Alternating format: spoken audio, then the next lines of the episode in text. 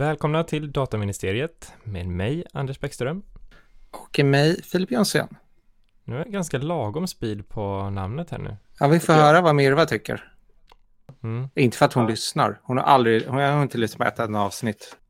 Men det har hon gjort. Hon har väl passiv-lyssnat när du eh, kört på repeat. Ja, men de skriker ju i bakgrunden. Gud vad tråkigt pappa, gud vad tråkigt. Så får jag stänga av. Ja, det är ett jobbigt läge.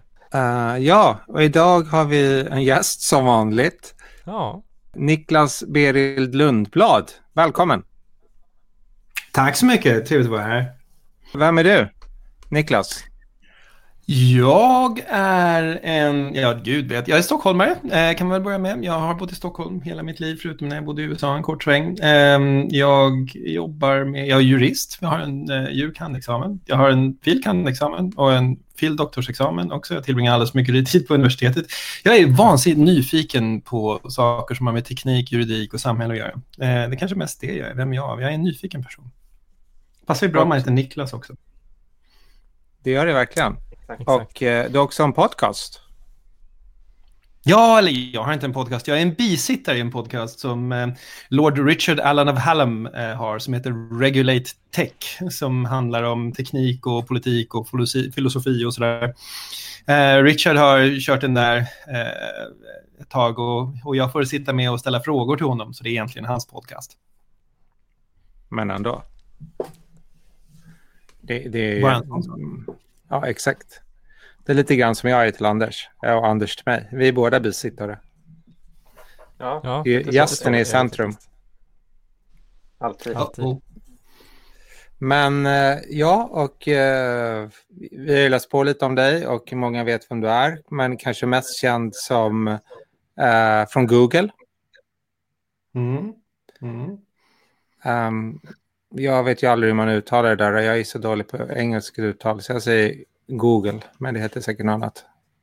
Nej, jag tycker du uttalar det alldeles utmärkt. Och faktum är att eh, jag vet inte om det finns några föreskrivna uttal på svenska sådär. Jag säger Google också. Eh, jag har hört alla möjliga olika andra sätt att uttala det också. Så att, nej då, du klarar dig. Och vad, vad gjorde du där? Ja, massor av grejer. Jag var, jag var på Google, eh, jag började på Google 2007. Eh, och då i början så hade jag ansvar för att bygga upp vår nordiska samhällspolitiska verksamhet. Och det betyder att jag tog i princip kontakt med alla samhällspolitiska aktörer som var intresserade av teknik på den tiden i de nordiska länderna. Och gick med lite i olika typer av eh, sådana här industri Eh, föreningar och pratade med politiker och, och lite sånt där. Eh, där på, på den tiden så tyckte alla om teknik jättemycket, så då var, då var inte det tillräckligt tyckte man från huvudkvarteret, utan jag fick också ansvar för internationella organisationer. Eh, alla sådana här eh, förkortningar som FN och OECD och eh, WEF och hej och hå. Så att jag ägnade mig åt internationella organisationer och eh, det nordiska samhällspolitiska arbetet i två år.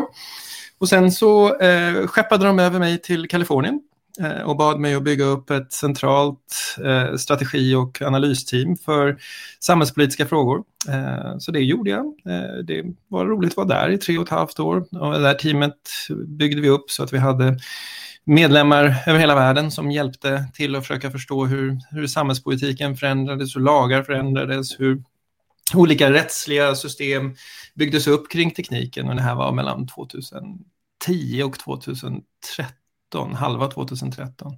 Sen drog jag tillbaka till Europa och då hade jag en briljant plan som handlade om att jag skulle göra en enda sak och att jag skulle vara alldeles själv och så skulle jag syssla med att gräva ner mig i den här saken. Det lyckades jag med i ungefär en månad och sen så eh, blev jag tillsagd att söka tjänsten som Vice President, som det så vackert heter, för samhällspolitiska frågor i EMEA. Och EMEA är en sån här förkortning som eh, jag inte riktigt vet var den kommer från. Jag tror det är en amerikansk förkortning när man delar in världen i, i, i rätt grova delar. Och EMEA det är Europa, Mellanöstern, Afrika, Ryssland och Turkiet.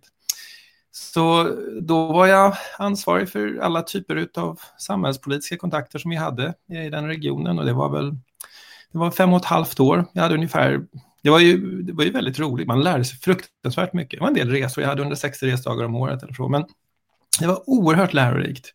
Eh, och dessutom så var det ju en period då teknikföretagen gick från gick ur sin smekmånad ordentligt och hamnade i, i eh, hetluften på ett helt annat sätt än de hade varit tidigare. Så att det fanns många väldigt bra eh, diskussioner. En kamrat till mig brukade säga att det samhällspolitiska teamet det var en API, eh, en API. Eh, och eh, hans utläsning av den förkortningen var Angry People Interface, vilket jag tyckte var så jag sysslade med det i fem och ett halvt år och sen så ville jag göra någonting annat och då fick jag ansvaret för att bygga en eh, liten grupp som sysslar med framtidsstudier eh, på Google. Som jag ägnade mig åt att bygga i sådär två år och då hade jag varit på Google i 13 år och började känna mig som en del av möblemanget. Så då kände jag att jag måste göra någonting annat och då så sprang jag på den här möjligheten att jobba för ett mycket mindre företag, en startup eh, som heter Stripe och det är där jag är idag.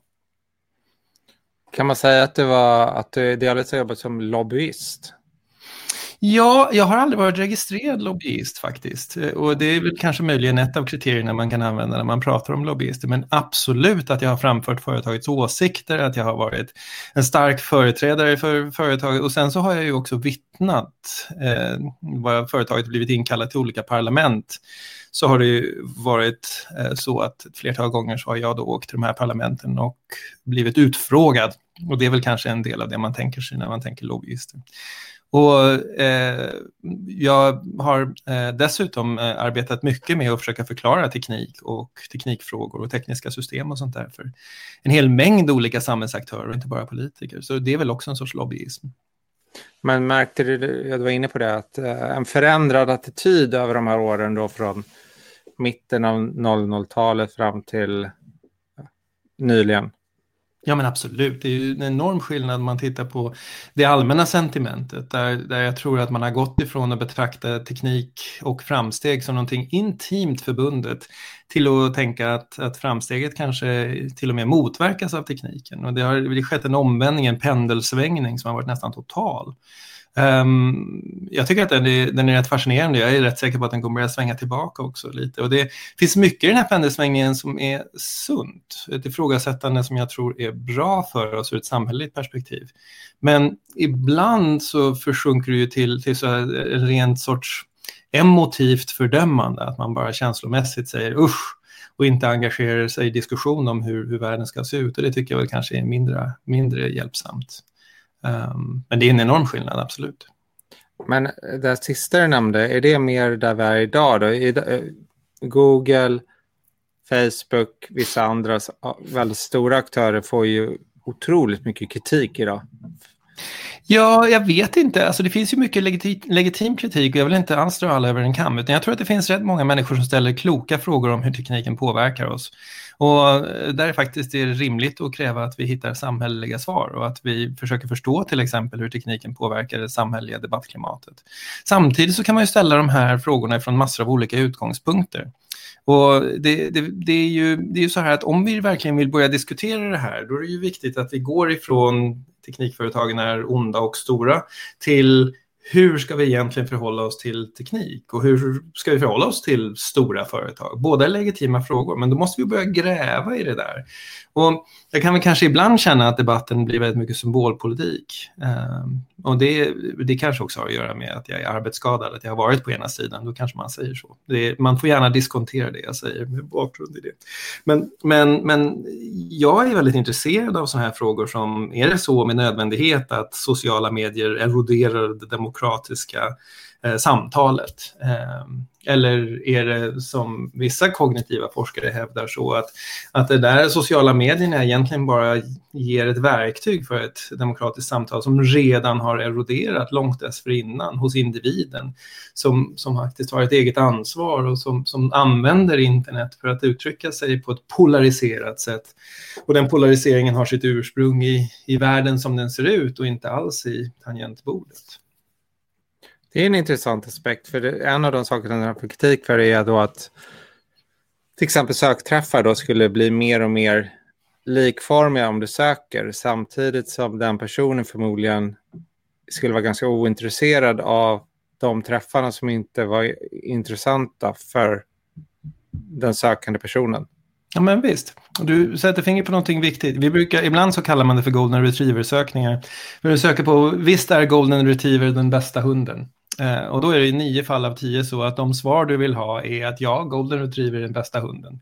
Då klickar du på de länkarna som säger att golden retriever är den bästa hunden och då får de länkarna ett ökat värde i sökmotorn. Som sådana länkar som du tyckte om, sådana länkar som du ansåg var relevanta för just den här frågan. Så nästa gång någon söker på är golden retriever den bästa hunden så uppgraderar man det och då ger man den som söker vad den personen vill ha och vad personer som söker som den personen vill ha. Man tillfredsställer alltså ett individuellt behov.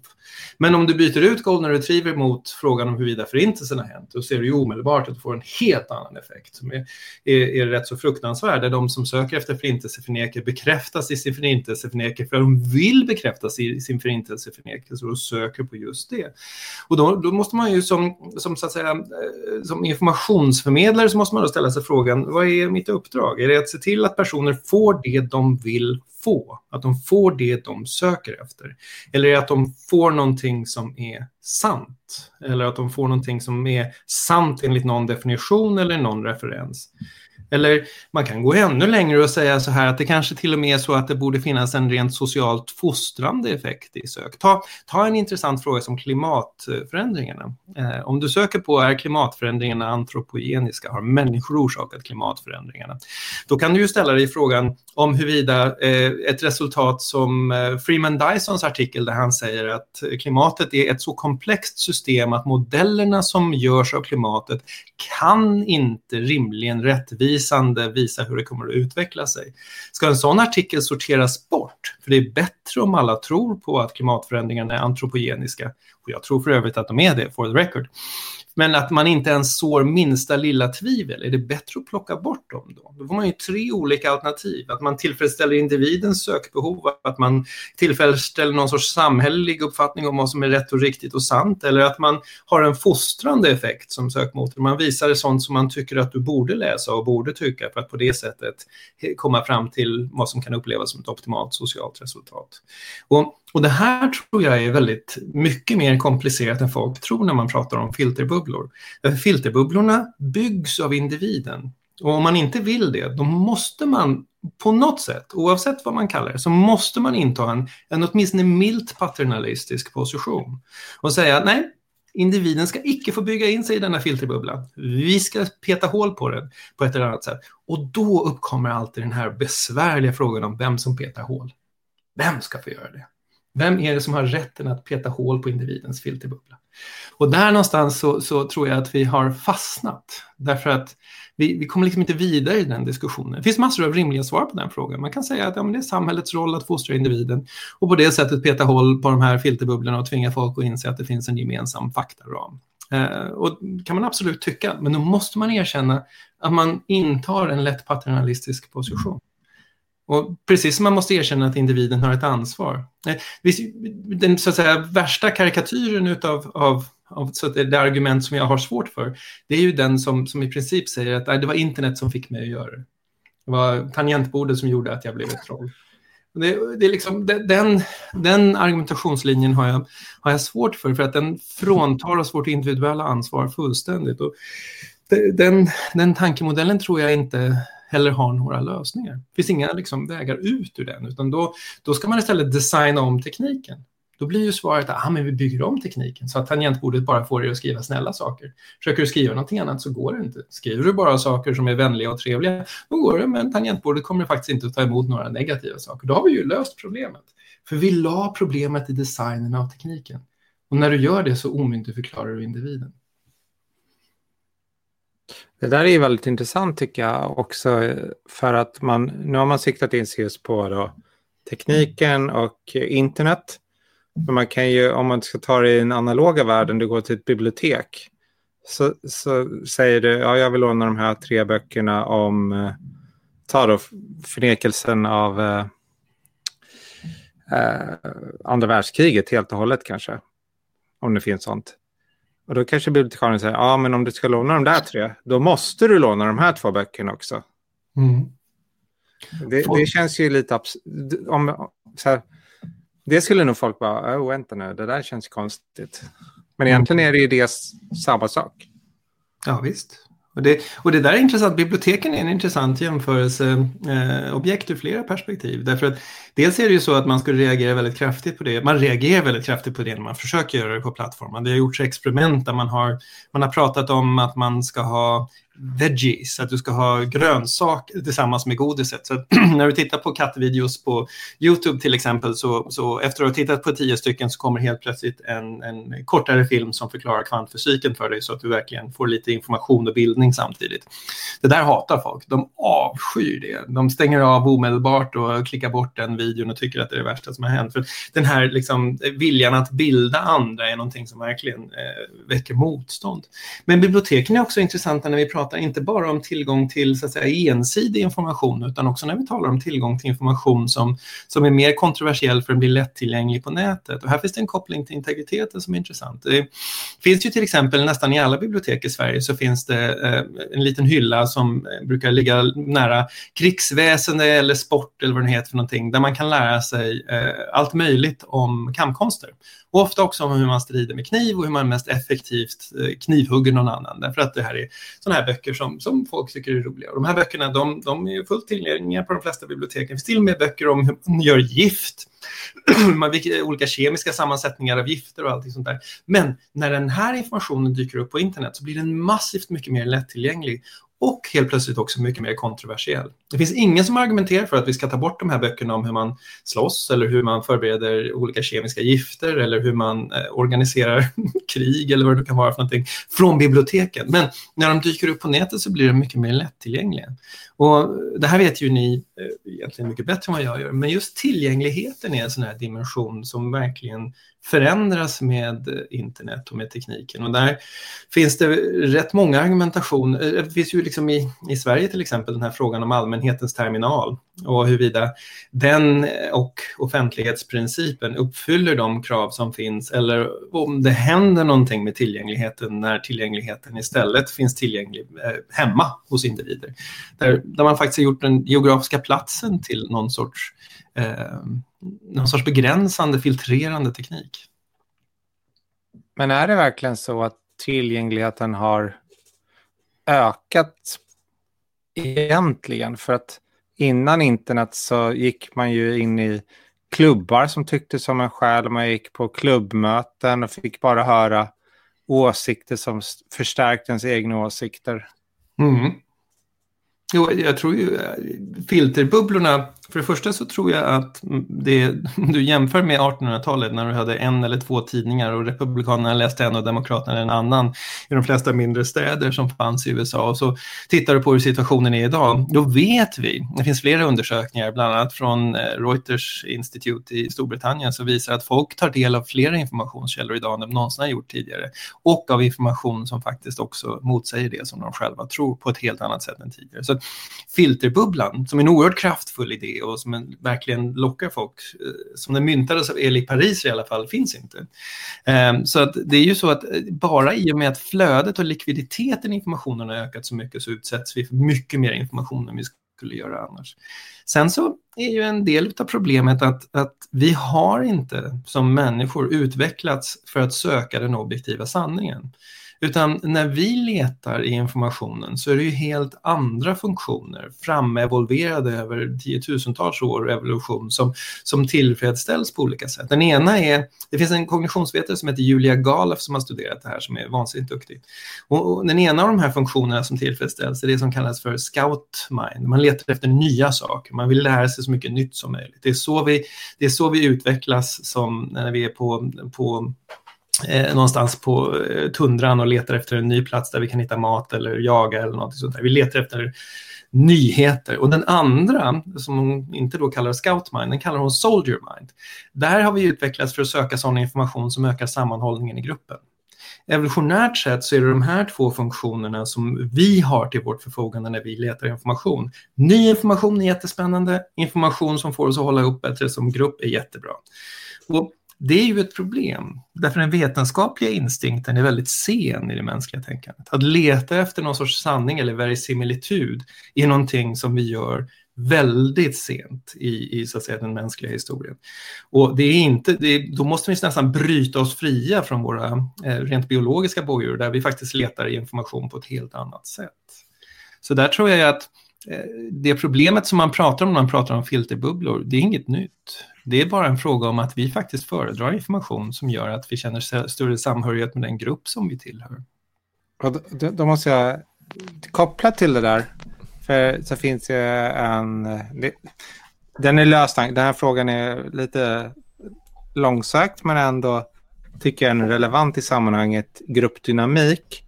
Det finns en, en eh,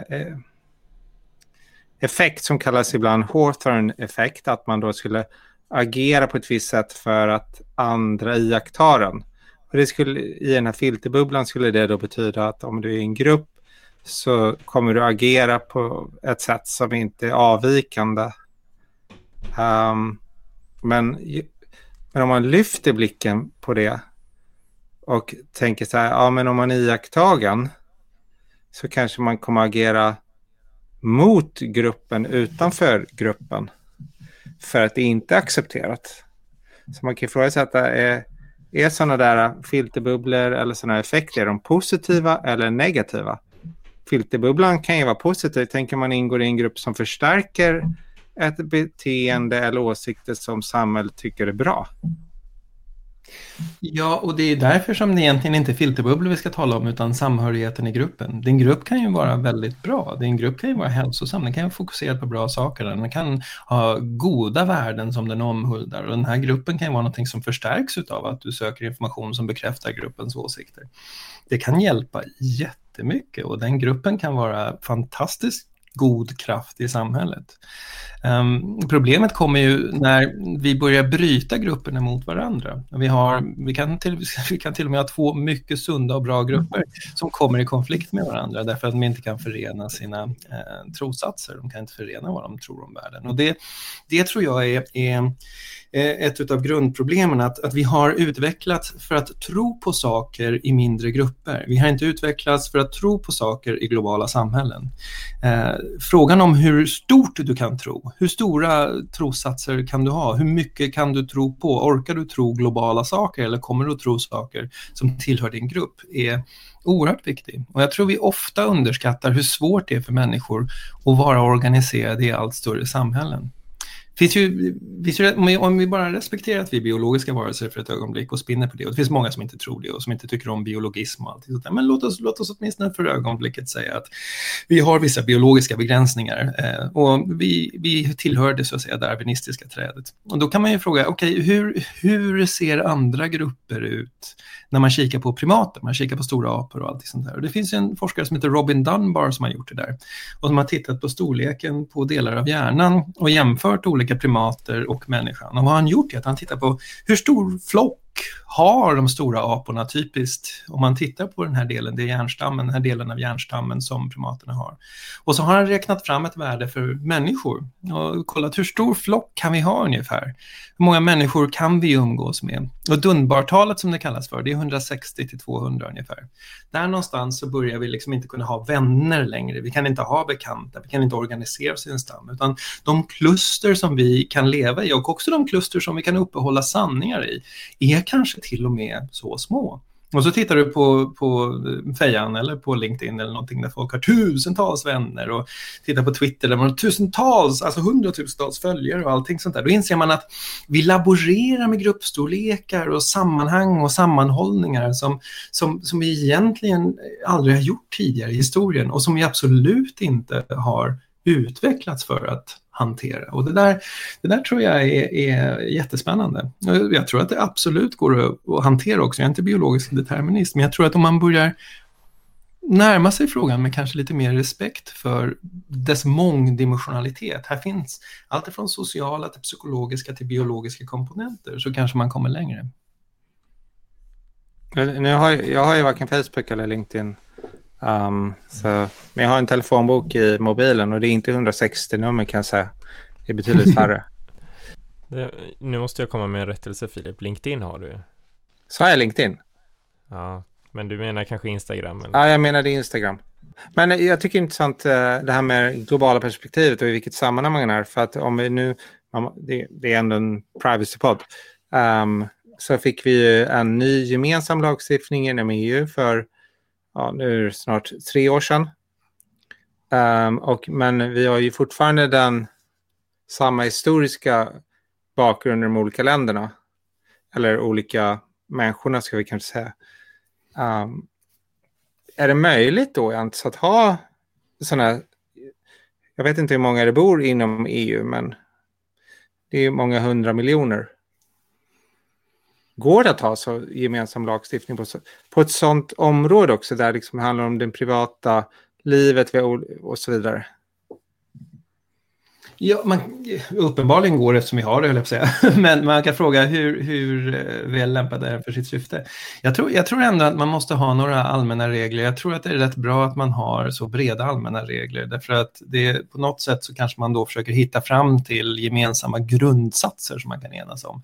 Men det finns, det finns ju problem med det där och det finns ju flera intressanta problem som har att göra med hur integritetslagstiftningen utvecklats över tid. Om man tittar på på vad det är integritetslagstiftningens föremål har varit för någonting så kan man ju konstatera att den tidiga integritetslagstiftningen kring 70-talets början där i Schleswig-Holstein och sen den svenska lagen handlade ju väldigt mycket om medborgarens relation till staten. Det var ju ett eh, vertikalt förhållande där man var orolig för att medborgarens integritet skulle förstöras och det är ett av de grundbegrepp som man funderade på då och som man var väldigt eh, negativ till var det som kallas för samkörning. Det som vi idag kallar för ehm, um, one-stop shop eh, e-governance eller e-government. Samkörningsbegreppet har ju i allt väsentligt eh, lösts upp och nu eftersträvar vi istället att ha så, ehm, så täta skott som möjligt mellan de olika enheterna i förvaltningen. Det vertikala förhållandet det växlade ju sen över tid tills vi kommer fram till 95-46 EC ungefär så har det ju utvecklats och blivit mycket mer mångdimensionellt. Vi har fortfarande en relation mellan stat och medborgare men nu har vi också en relation mellan kund och företag. Och, och det här är kanske det man egentligen har fokuserat minst på, en relation mellan person och person. Um, och någonstans så, så, kan man väl kanske fundera på om den här lagstiftningen har lyckats fånga den förändringen eller om den fortfarande är kvar i, i ett paradigm där det handlar om en individ och ett företag eller en medborgare och en stat. Det är intressant att ställa sig frågan om, men man kan titta på det här på lite olika sätt, men ett sätt att tänka på det, är okej, okay, om tio år kommer det finnas mer data om människor som lever då eh, tillgänglig så att man kan hitta den hyfsat enkelt, eller kommer det att finnas mindre? Och kommer det vara bra eller dåligt att det finns mer eller mindre? Börjar man fundera kring det lite grann så inser man att det kommer att finnas enormt mycket mer data tillgängligt om folk som de själva kommer att dela. Och det är ju det här som någonstans är den grundläggande paradoxen, när man inser att det är väldigt många människor som delar med sig av data, alltifrån var de springer någonstans med Strava till vad de har käkat för någonting med Instagram till hela sin genetiska kod. Det finns ju människor som lägger ut den, sekvenserar den och lägger ut den bara för att eh, de vill att om det är någon som kan hitta någonting nyttigt i den så är väl det bra för alla, någon sorts eh, datafilantropi. Sådär. Och det här kommer ju rimligen att fortsätta, inte minst därför tekniken blir mer och mer fingranulär. Du får fler och fler sensorer. Idag har du 18, 20, 30 olika sensorer i din telefon. Bara för tio år sedan hade du tre. Och sensorerna kommer att fortsätta att bli mer och mer avancerade och det kommer att lämna mer och mer dataspår. Så om tio år kommer det finnas enormt mycket mer data om de individer som finns, som de själva har delat eller har delat om varandra.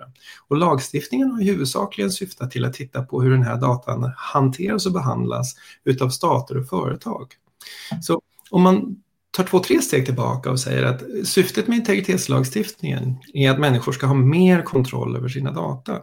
Då kan man säga att det kommer nog knappast att ha, därför de kommer att ha delat med sig så mycket av dessa data och de kommer att vara delar av så många olika nätverk. Att i dessa nätverk kommer det finnas mer data om individer än någonsin tidigare.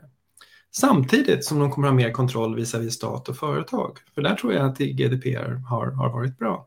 Men man löser, man har en sorts selektiv blindhet när man diskuterar integritet. Därför man diskuterar nämligen bara den här företags och statsrelaterade integriteten och inte frågan om hur individens eh, data i största allmänhet eh, tillgängliggörs och blir eh, allt rikare, där dataprofilerna blir allt rikare.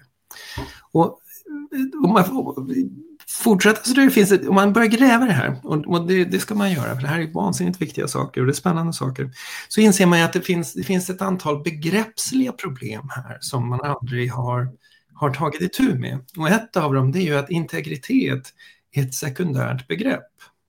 Du kan bara ha personlig integritet om du har en identitet. Vilket betyder att identiteten är det primära begreppet. Och olika begrepp som hänger ihop så här är väldigt spännande för att om man vet att ett begrepp är primärt och ett annat sekundärt då kan man fundera på okej, okay, vilket av dem reglerar vi? Hur ska de förhålla sig till varandra och vad vet vi om dem? Det, det, är, en, det är en observation som ursprungligen kommer från en österrikisk filosof, Ludwig Wittgenstein, som, som noterade bara i förbigående i ett verk som heter om, eh, om säkerhet, on certainty, att eh, tvivel är ett sekundärt begrepp. Du måste först tro för att kunna tvivla. Och så sänkte han hela det kartesianska projektet i samband med detta, vilket jag tycker var rätt tjusigt. Och det är precis samma sak med integritet och integritet. Om du inte förstår hur identitet formas, om du inte börjar tänka kring identiteter och vad de är, då kommer du kanske aldrig kunna bygga ett fullgott skydd för integriteten. Och, och där blir det komplicerat, därför vi har tänkt väldigt lite kring just identitet. Men vi vet ju om vi tittar på psykologi och tidig filosofi att identiteten inte är någonting som vi föds med. Den mentala bilden av en person som föds i en bubbla har sin egen identitet och sen så handlar integriteten om vem man släpper in i bubblan och vem som får tillgång till det som händer där inne. Den är inte riktig. Identiteten är ju istället någonting som vi får av alla andra. I kontinentalfilosofin brukar man säga att du är strödd i de andras ögon Det vill säga, att de andras blickar konstruerar dig. Din identitet består i hög utsträckning av hur andra ser dig. Och Paul Ricoeur som är en, eh, en berömd filosof som har skrivit mycket om det här, han säger att du är dina berättelser och de berättas av andra såväl som av dig själv. Det narrativa identitetsbegreppet, att du är en summa berättelser, ger ju vid handen att integritet är mycket mer komplicerat än vilka data som behandlas. Integriteten handlar ju om hur du förhandlar fram de berättelserna, vem som får berätta dem och vad de innehåller. Den förhandlingen speglas ingenstans i lagstiftningen. Den diskussionen om identitet och integritet finns ingenstans i lagstiftningen. Samtidigt så är det förmodligen en av de centrala, en av de kanske mest absolut centrala mänskliga värdena, hur vi får förhandla vår egen identitet. Och har man en identitet eller flera? Du har massor av identiteter visar vi många olika aktörer i samhället. Det är klart att du berättar en berättelse visar vi till exempel din familj och de som verkligen känner dig och en annan berättelse på jobbet. Och det är just förhandlingen av de här olika narrativa eh, identiteterna som, som, som, som, som, är så komplicerad. Um, och skulle om, om integritet är sekundärt då, skulle den vara i relativ beroende på vilken identitet som den är kopplat till? Ja, du skulle säga inte sekundär i bemärkelsen mindre viktig, men sekundärt begrepp visavi den identitet som du har. Och därför så tror jag att du har olika integritet visavi olika grupper. Och det vet vi också gäller inte bara olika grupper utan gäller olika samhällsorganisationer. Eh, sociologen Ferdinand Tönje skriver ju om, om två olika sätt att organisera sig socialt, att du har Gesellschaft och Gemeinschaft. Gemeinschaft är byn, där ser alla alla och du är precis eh, känd av alla andra. Din berättelse koncentrerad till de andra, 80 procent av din berättelse berättas av de andra om dig i byn. Därför så många tycker att byliv är, är så, så kvävande. Medan i stan däremot, då kan du vara anonym och så kan du ha olika berättelser med olika personer och du kan kontrollera 80 procent av din egen berättelse. Misslyckas du så kan du flytta i stan i den här anonymiteten och börja berätta en ny berättelse om dig själv. Så det är inte bara så att det är olika grupper eh, som rör dig socialt, utan det är också olika organisationsformer. Sociala organisationsformer ger upphov till olika typer av identitet på ett spännande sätt. Och Vissa online-communities är mer som byn, medan internet kanske är mer som stan. Och det, det finns liksom en, en hel mängd olika saker där som sociologerna vet att hur länge som helst. Herregud, de, de, de skrattar ju åt väldigt mycket av de diskussioner som, som eh, vi stackars tekniknördar precis upptäcker. För det här har ju de pratat om länge med Rekör och Goffman och alla de andra. Att identiteten handlar om möjligheten att upprätthålla ett antal olika narrativa masker i olika sammanhang som gör att du får vissa möjligheter att handla. Och den handlingsfriheten är ju det som, som är kärnan också. Men när man pratar om integritet så brukar man prata om det att det skulle vara en rättighet. Men det är inte identiteten man borde fokusera på som en rättighet. Jag tror att din identitet är en rättighet. Och jag tror att, sen kan man ju naturligtvis säga att, att personlig integritet också, att ha någon sorts kontroll över sin egen identitet är förmodligen också en rättighet. Men rättigheterna kopplas bättre till just identiteten på ett eller annat sätt. Um, och jag tror att det skulle vara ett intressant experiment att skriva om och tänka om kring integriteten med identiteten som kärnbegrepp. Och, och där finns det ju andra frågor som jag tycker är rätt spännande. Och det är ju sån här, vad är det som är kärnvärdet som vi skyddar integriteten? Vi pratar om att ja, men det är din rätt att berätta din berättelse om dig själv, men varför? Varför är det viktigt? Och eh, väldigt mycket av diskussionen om integritet har ju handlat om, om eh, Eh, det som ibland kallas för konfidentialitet. Att jag, det är viktigt att jag kan hålla vissa saker hemliga och att jag kan vara öppen med andra saker. Att, att det på något sätt skulle vara kärnan i integritetsvärdet. Men eh, det är ju bara en liten del av sanningen. Det som kanske är ännu viktigare och ännu mer intressant att fundera kring, det är ju vad som händer när andra börjar ta över den här berättelsen. Vad är det jag förlorar när någon annan kan berätta min berättelse om mig? Jo, det jag förlorar det är min handlingsfrihet, min autonomi. Så i hjärtat utav både identiteten och integriteten förenas ju båda de här i autonomin som värde. Att jag faktiskt kan handla på ett sådant sätt som jag själv vill. Och jag tror att det här, man börjar skrapa på ytan när man pratar med, med människor som, som, som sysslar med, eh, som, som inte sysslar med det här till vardags utan som, man, som använder tekniken. Och så frågar, vad är det ni är oroliga för? Och, och tar ett djupare samtal och försöker gräva ner sig i vad det är folk är oroliga för när det gäller tekniken. Då är det ju att de ska förlora sin autonomi. Att de ska bli manipulerade och köpa någonting de inte behöver, att de ska rösta på någon de inte gillar, att de ska förlora ett jobb på grund av att någon har avslöjat någonting om dem, att deras autonomi ska kringskäras. Och det här är ju, om man börjar skära i den så att säga, riktningen, då får man ju också ett annat perspektiv på vad det är integriteten egentligen ska göra. Men eh, det är ett intressant aspekt också tycker jag, för att ska man ha rätt att kontrollera den på det sättet att man kan styra det här narrativet så att man till exempel framstår bättre än vad man egentligen är och då kanske får ett jobb man inte borde ha fått. Det är lite kärnan i frågan om eh, rätten att bli glömd. Eh, vilka omständigheter ska du ha att kontrollera din egen berättelse? Just det rättsfallet och den där tillhörande diskussionen, allt tillbaka till, till Victor Meyer Schönbergers bok, handlar ju väldigt mycket om frågan om hur man, hur man hanterar människors rätt att berätta sin egen berättelse. Och det finns ju de extrema fallen, eh, där man talar om rehabiliteringen av fångar till exempel. När du har avtjänat ditt straff, ska du då vara fri och ska den berättelsen inte komma tillbaka till dig? Det är en väldigt spännande fråga som samhällen besvarar på extremt olika sätt. I vissa samhällen är det fortfarande så att du till och med förlorar din rätt att rösta och alla har tillgång till offentlig information om att du en gång var en dömd brottsling.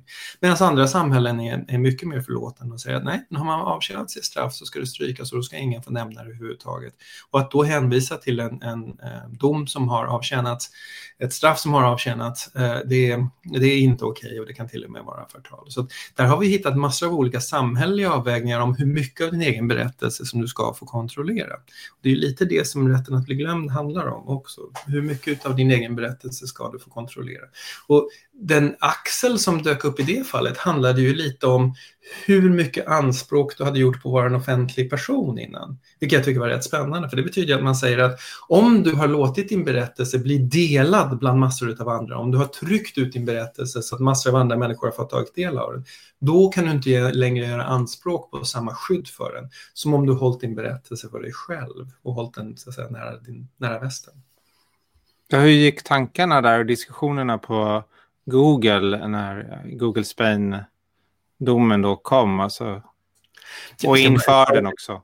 I en personlig kapacitet och inte för Google förstås. Men jag tror att en av de sakerna som, det, det var ju, eh, om jag minns rätt nu så var det så att generaladvokaten landade inte så utan det var, det var eh, domstolen som kom fram till att den här rätten fanns och omfattades av 9546 yes. och Så en av de sakerna var, det var en liten, eh, inte så liten, det var en överraskning på ett sätt. Så man försökte anpassa sig till vad det här behöver. Och där finns det ju en slitning mellan den amerikanska synen på yttrandefrihet och den europeiska synen på integritet.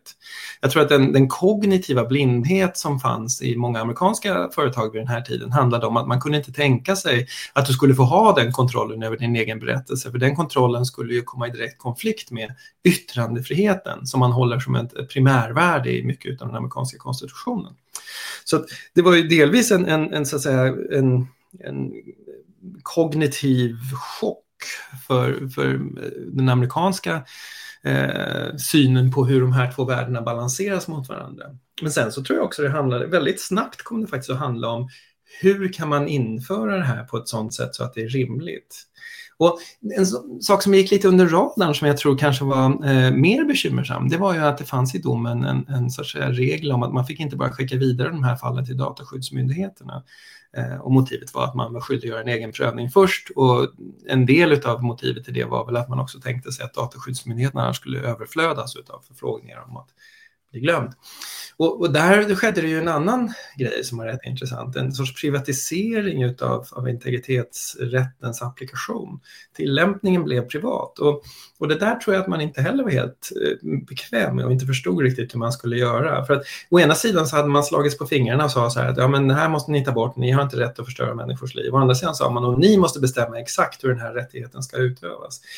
Det var också någonting som jag tror man kämpade lite med. Google satte samman ett särskilt råd som reste runt mer eller mindre beramat i massa europeiska länder och höll offentliga hearings för att höra hur folk tyckte att man skulle avväga de här olika eh, rättigheterna mot varandra. Och det, det, då så dömdes det ut som ett publicitetstrix, men det var faktiskt rätt allvarligt menat kan jag säga så här i efterhand, för man försökte hitta en balans där de här olika värdena skulle kunna vägas mot varandra utan att man eh, skulle landa fel. Så det, det var en, en, en komplex serie eh, reaktioner tror jag. Och sen kom det tillbaka, det är ett fall som fortsätter genom integritetshistorien, där den andra stora frågan handlar om jurisdiktion. Eh, hur stor är rätten att bli glömd? Är den nationell? Är den europeisk? Är den global? Eh, och där är det samma sak igen, att där kom den här konflikten med den amerikanska yttrandefriheten och andra stater, bland annat i Latinamerika, som sympatiserade med den och den europeiska synen till ytan. Och om jag minns rätt, den är ju inte global. Nej, Nej utan man, man, man gick inte, på det här fallet på den franska linjen där man hävdade exorbitant jurisdiktion, det vill säga att man skulle kunna projicera fransk rätt över hela världen, utan man konstaterade att det kanske möjligen skulle innebära ett problem och så tog man istället en, en eh, europeisk eh, tillämpningsmetod. Vilket ju äger sin logik kan jag tycka, för har man en europeisk lagstiftning så är det väl rimligen så att om eh, man då tillämpar den och den europeiska domstolen avgör att den ska tillämpas i hela EU, då är ju det så stor rättigheten kan vara. Samtidigt som det skapar en, en eh, lustig eh, begreppsslitning i begreppet glömd. För det är ju så att säga, väldigt sällan som vi tänker oss att någon är regionalt glömd eh, på det sättet. Och sen var det också att originalkällan behövde ju inte radera uppgiften om jag kommer ihåg rätt. Nej, och där hade ju tillgängligheten en väldigt stor roll i hur domstolen tänkte om jag minns rätt. Det är ju så att man sa att det publicistiska beslutet att en gång i tiden offentliggöra detta eh, kan i sig inte bära det fortsatta beslutet att tillgängliggöra detta i evärdlig tid. Och det är ju i sig inte en orimlig ståndpunkt. Man kan säga att det publicistiska beslutet som fattades var rimligt då och man kan tänka sig att det fanns en viss publicistisk verkan av att man publicerade det här beslutet om Costeja som hade gått i konkurs. Att det fanns ett värde i att det publicerades på den tiden och att det fanns ett värde som var försvarbart på publicistisk grund. Men det beslutet fattades ju inte, de som satt och fattade det beslutet på tidningen, om man nu verkligen tittade på det här specifika fallet, de frågades ju sen inte om det här också skulle vara tillgängligt över hela Europa i värdlig tid, utan de fattade ju ett mycket mindre beslut. Så där gjorde domstolen en distinktion mellan de två och sa att ja, men här att yttrandefriheten finns här. Yttrandefriheten har en begränsning i tid och rum som man kan bedöma publicistiskt. Men när den begränsningen försvinner därför att tillgängligheten ökar, då måste vi göra en ny bedömning och den bedömningen måste då utgå ifrån andra kriterier. Ehm, så där var det ju så att det var tillgängligheten i sig som kom att bli eh, bedömningsgrunden kan man säga. Men den större frågan om rätten blir glömd här, det, den som jag funderar på jättemycket på är ju så här, om eh, människor har, har man rätt att ha hemligheter? Mm. Ja, och det är ju... Det finns Eller snarare så här, har man rätt också att reversera offentligheter till hemligheter? Ja, och man kan, man kan driva det ett steg längre. Jag har ofta funderat på, det heter ju the right to be forgotten på engelska, men väldigt ofta känns det som att det man är ute efter är the right to be forgiven. Att det snarast handlar om någon sorts förlåtelse, att det handlar om att ens dåd ska raderas ut, att det man har sysselsatt med på något sätt ska ha, man ska anses sonat det. det. Det handlar kanske delvis om hemligheter, precis som du säger, men det handlar också om att man på något sätt ska ha en rätt till förlåtelse eh, för det man har gjort och förlåtelsen ska i sin, in, sin tur också innebära och, och bära med sig en glömska. Sen det här med hemligheter, det, det är ju intressant. Man har ju ofta hemligheter, men där är det samma sak som med identiteter, att du har hemligheter visar vi olika personer. Det finns massor av saker om dig som som Anders och jag inte vet, men det finns massor av saker som eh, till exempel dina barn vet eller din hustru vet. Och det betyder att du har ju, där hemligheterna blir bara en annan del av den här förhandlingen av din berättelse som sker. Sen så tror jag att, att eh, det är nödvändigt att ha hemligheter om man med hemligheter menar att man eh, aldrig skulle på något sätt eh, dölja sanningen eller ljuga. Jag tror eh, lögnen har en väldigt viktig roll att spela i mänskliga samhällen.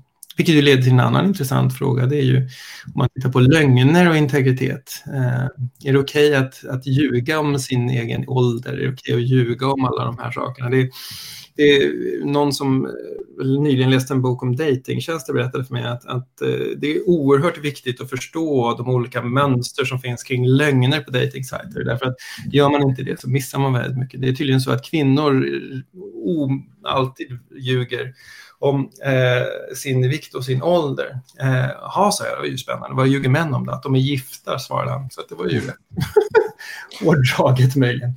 Och de här lögnerna är ju också en del av hur vi definierar oss själva. Och på ett sätt så är ju eh, är de här narrativen inte alltid sanna, utan vi, vi, vi förgyller oss själva, vi förhärligar oss själva på olika sätt.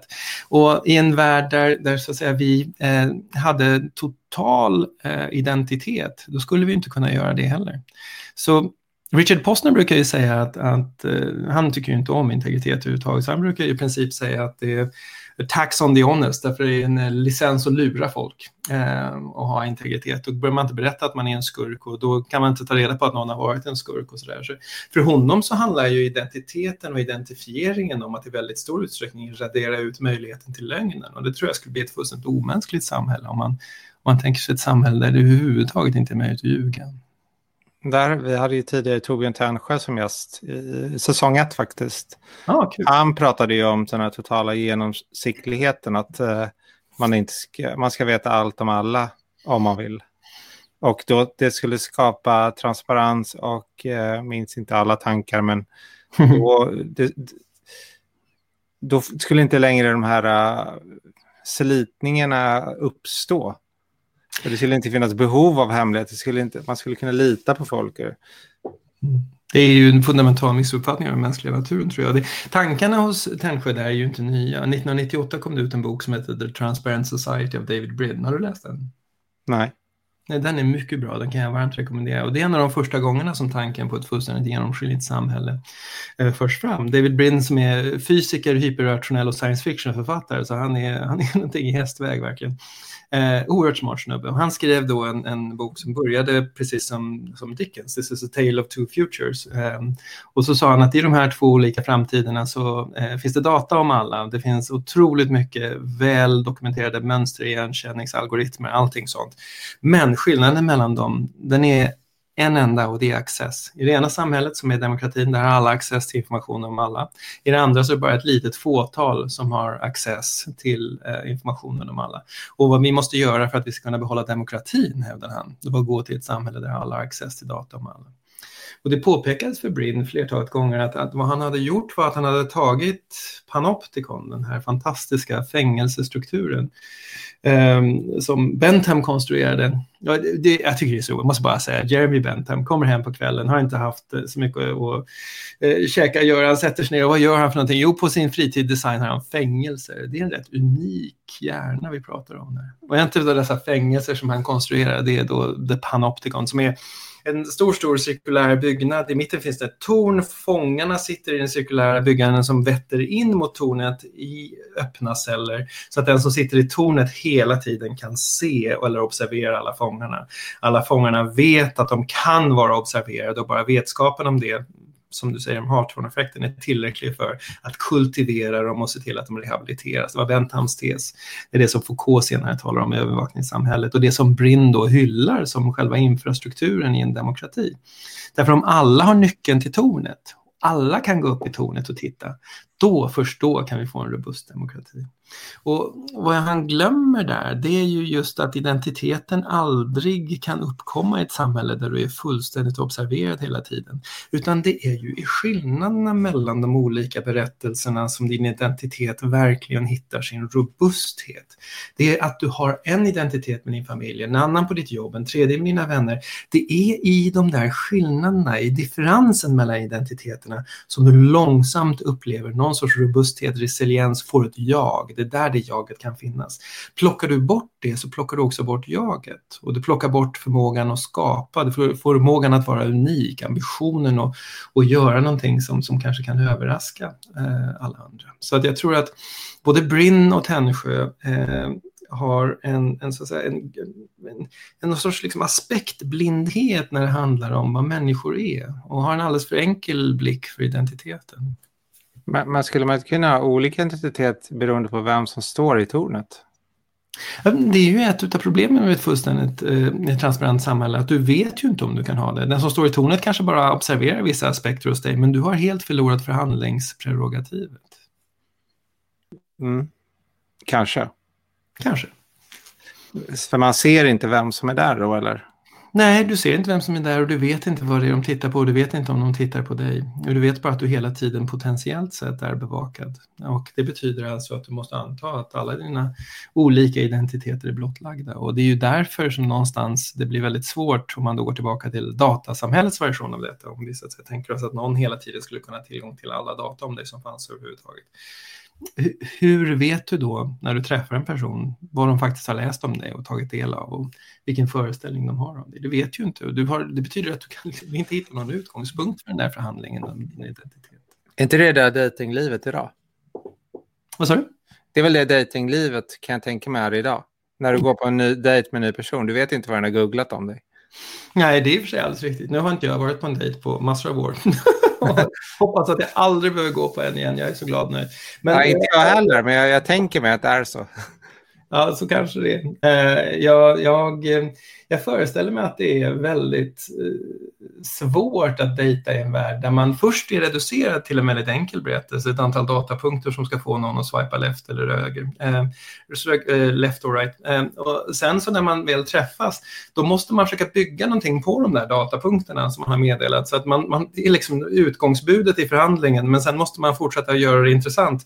Och då kommer man med sina egna fakta, och precis som du säger, den andra personen har kanske googlat den och, och har massor av andra fakta om en. Och det blir rätt hård förhandling i det läget. Mycket enklare när vi var unga. Då var det ingen som visste något om något. Eh, så det, Hur träffade du din fru? Jag träffade min fru på eh, Gaudiamus, studenttidningen på Stockholms universitet. Hon var min chef. Ah, ja, så ni, utan att det var ju långt före Google då? Långt före Google. Eh, jag är mycket gammal.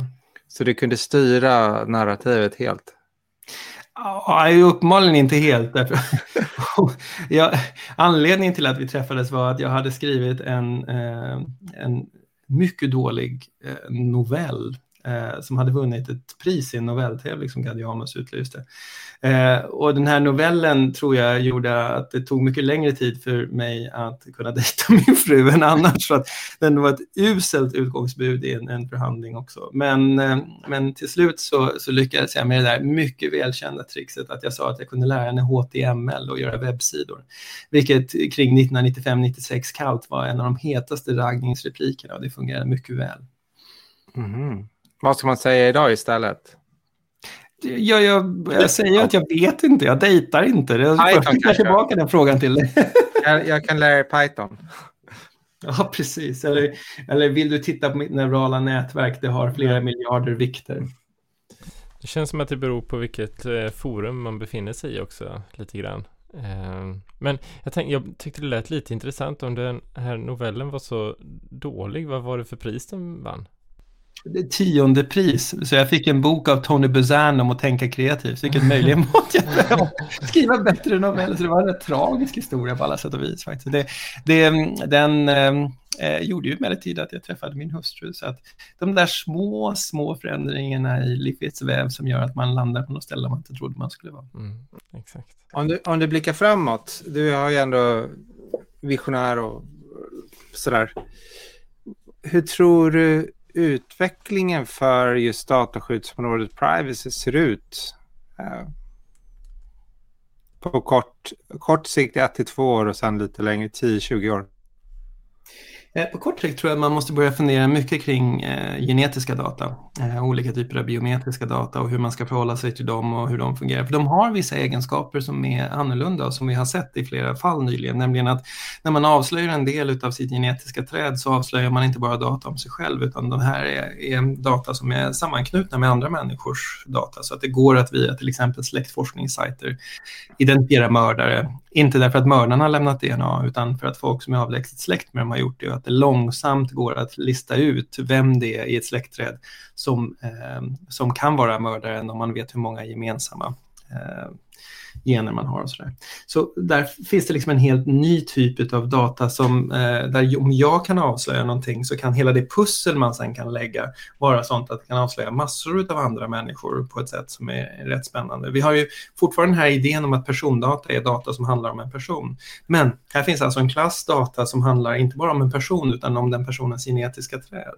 Och det, det där, man har ju pratat mycket om kollektiv privacy och kollektiv integritet och allt sånt där, men där tror jag att det finns en, en mängd frågor som är rätt intressanta. Och en sak som man kan fundera på är ju, är det här ett undantag? Är det bara genetiska data som är sådana att med tillgång till data om, eh, tillräckligt specifik data ska jag säga, om, om genetiken så, så kan jag lägga pussel och identifiera andra. Eller är det så att samma sak gäller med tillräckligt specifika beteendedata? Är det så att alla data egentligen någonstans är kollektiva? Att all integritet egentligen är kollektiv och att man med bättre och bättre maskininlärning till exempel med data om ett litet begränsat urval personer faktiskt också kan identifiera massor av andra personer.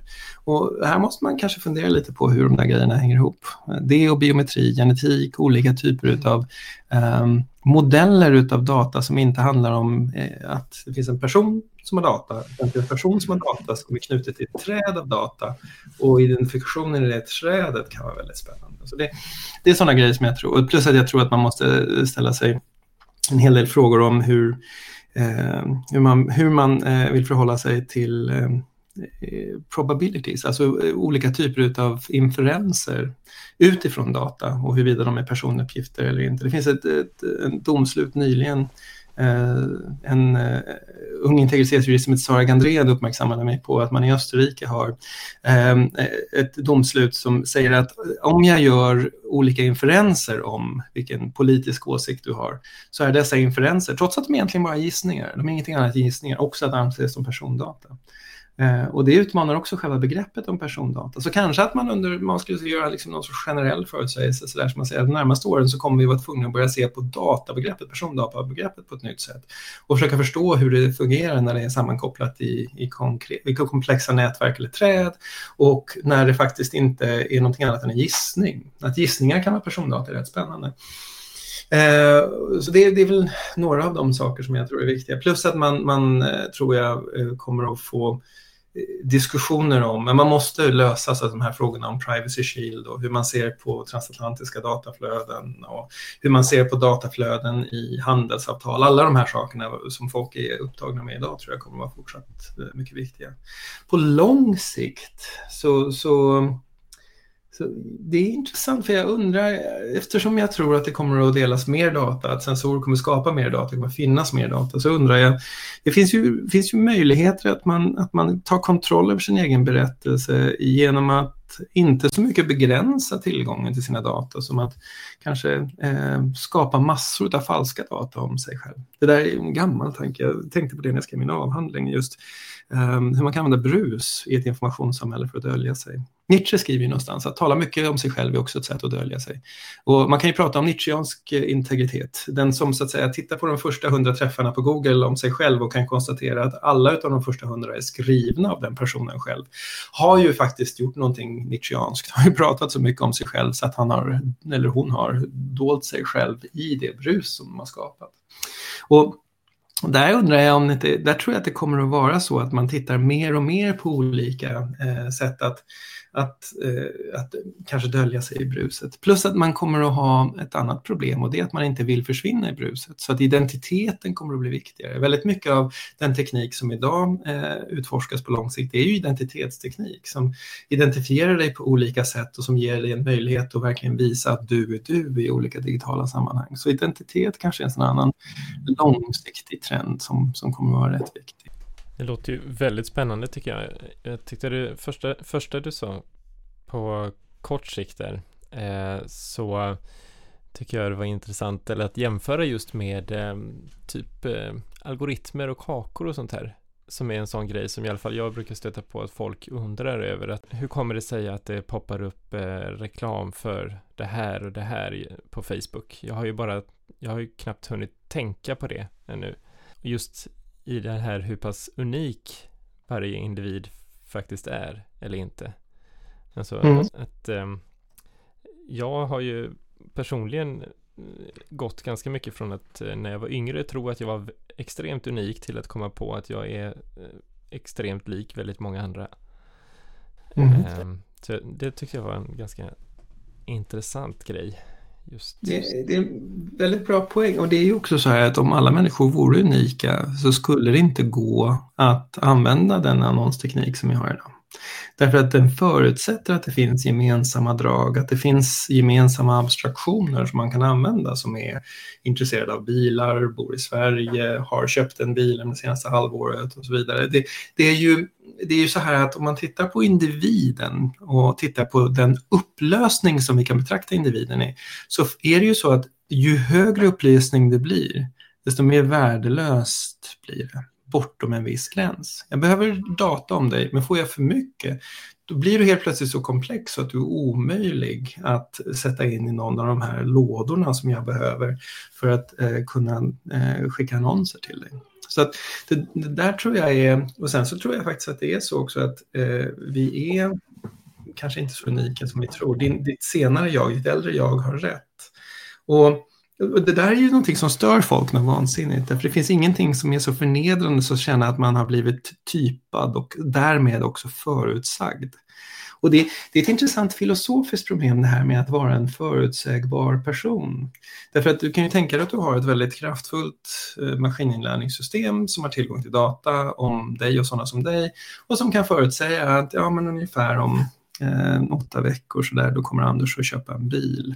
Så se till att börja här och gör det. Då kan man ju säga så här, ja, okej, du får tillgång till dina data och du ser att systemet säger att om åtta veckor kommer du köpa en bil. Och någonstans kommer du känna dig förolämpad. Eh, delvis därför att du tänkt att köpa en bil om åtta veckor kanske, men också därför att du inte vill vara förutsägbar. Så vad gör du då? Du köper inte en bil om åtta veckor, utan du säger jag ska banne inte köpa en bil. Men då har du ju inte blivit mer fri. Utan då är det ju bara så att du tar inversen av den förutsägelsen som systemet har gjort om dig och så låter du dig styras av den istället. Din viljas frihet har inte blivit större längs någon dimension. Utan i det ena fallet är du förutsagd och i det andra fallet så gör du mitt emot förutsägelsen. Men inget av det skapar den frihet som vi vill ha när vi stretar i den här tvångströjan av att känna oss förutsagda. Så det där är en, en, en, eh, en liten intressant så här, skrynkla på hela den här diskussionen om, om manipulation. Därför att man kan ju lika gärna bli manipulerad att göra motsatsen till det som systemet har förutsagt och då inte nödvändigtvis ha vunnit särskilt mycket viljefrihet. Jag tänkte att dessutom vet väl systemet att du inte kommer köpa bilen och göra dem åtta veckor istället. Ja, precis. Och den vet ju att du kommer att vara motvalls och att istället kommer att köpa en båt. Så det är ju, det är någonstans så, så, eh, så är ju frågan om, om vi vore förutsägbara, om vi nu är så att säga, möjliga att kartlägga därför att vi inte är unika. Eh, hur tar vi oss ur det? Finns det någon väg ur det? Eller får man helt enkelt bara stoiskt acceptera att ja, men då är det väl dags att köpa en bil då? När systemet börjar skicka reklamen. Och det där, det där stör många, mig inkluderad. Jag kan också tycka att det är ett intressant problem. För att, att vara förutsagd eh, gör ju att man placeras i en, en så att säga, dilemma. Man får ju fråga sig, är jag den här förutsägelsen, stämmer den, stämmer den inte? Nu när jag har den, agerar jag mitt emot den, då är jag fortfarande styrd av den. Så det finns någonting där som, som, eh, som jag tror är spännande. Enda sättet att hantera det, det är att, att, eh, så att säga, anamma en spelteoretisk strategi där man slumpmässigt låter sig styras varannan gång. Och sen se till att den slumpalgoritmen inte är känd vare för sig för sig själv eller maskininlärningsnätverket. Och då börjar vi närma oss Luke Reinhardts tärningsspelaren som så att säga, styr sitt liv med tärningen och slår tärningen imorgon för att kolla om huruvida han ska mörda sin granne eller inte. Och det fullständigt slumpmässiga livet Ja, det är ju verkligen inte fritt. Den som lever fullständigt slumpmässigt är ju fullständigt ofri. Så determinismen och indeterminismen i frågan om viljans frihet och frågan om förutsägelsen av individen i den moderna integritetsrätten flyter samman på ett rätt kul sätt. Verkligen, verkligen, verkligen intressant. intressant. Jag kommer ja, också, också osökt att tänka på sådana här spå, spå, spådomar, spådomar eller spå, spåtanter och gubbar. Eh, eller, eller för all del horoskop och liknande. Mm. Ehm, de kan man ju också, kan man också anse att de är, att de är sådana som gör att, som gör att en, i alla fall en del människor viss, tappar viss, eh, en viss del, en viss del av sin autonomi. autonomi. Man styrs, man styrs in i saker, eller, tolkar, in, tolkar in sin, sin verklighet, i någonting. I någonting. Mm. Um, så, ja, så, det är ja, väl inte, är väl inte kanske, kanske algoritmerna som är först med det. Egentligen. Nej. Man, man vill man motvalls så kan man ju säga att det faktiskt är så att man vinner autonomi med horoskop och I Ching och sådär. Att själva syftet med spådomarna från början är att fordra att du kommer utanför din egen mentala modell. För att tittar du på I Ching, särskilt I Ching som jag tycker är spännande, som är den här kinesiska spådomsboken, man slänger Rolex, skälkar eller mynt och så får man fram ett hexagram och de här hexagrammen är vanligtvis rätt dunkla och mystiska. Och så har man då ställt sin fråga och så får man ett dunkelt och mystiskt hexagram med rörliga och orörliga linjer som kan förvandlas till ett annat hexagram. Vad som händer då, det är att då tvingas man integrera extern information i sin egen mentala modell som är helt slumpmässigt vald och som därför gör att man verkligen måste tolka om det sätt på vilket man trodde världen fungerade. Och då får man helt plötsligt tillgång till en annan alternativ förklaring av världen. Då har du två olika mentala modeller och då har du ökat din autonomi genom att använda en spådomsbok. Jag har en spådom och det är att tiden börjar rinna ut. Och jag har pratat alldeles för mycket känner jag. Så känner inte jag. Eh, jag känner att vi hade kunnat hålla på länge till. Vi, eh, vi kanske skulle kunna tänka oss att ta oss eh, friheten att bjuda in dig igen. En del två. Ja. Absolut. Det var jätteroligt att vara här. Jättekul att du ville vara med oss i dataministeriet. Stort tack så mycket för att jag fick komma. Filip, har du något avslutande ord?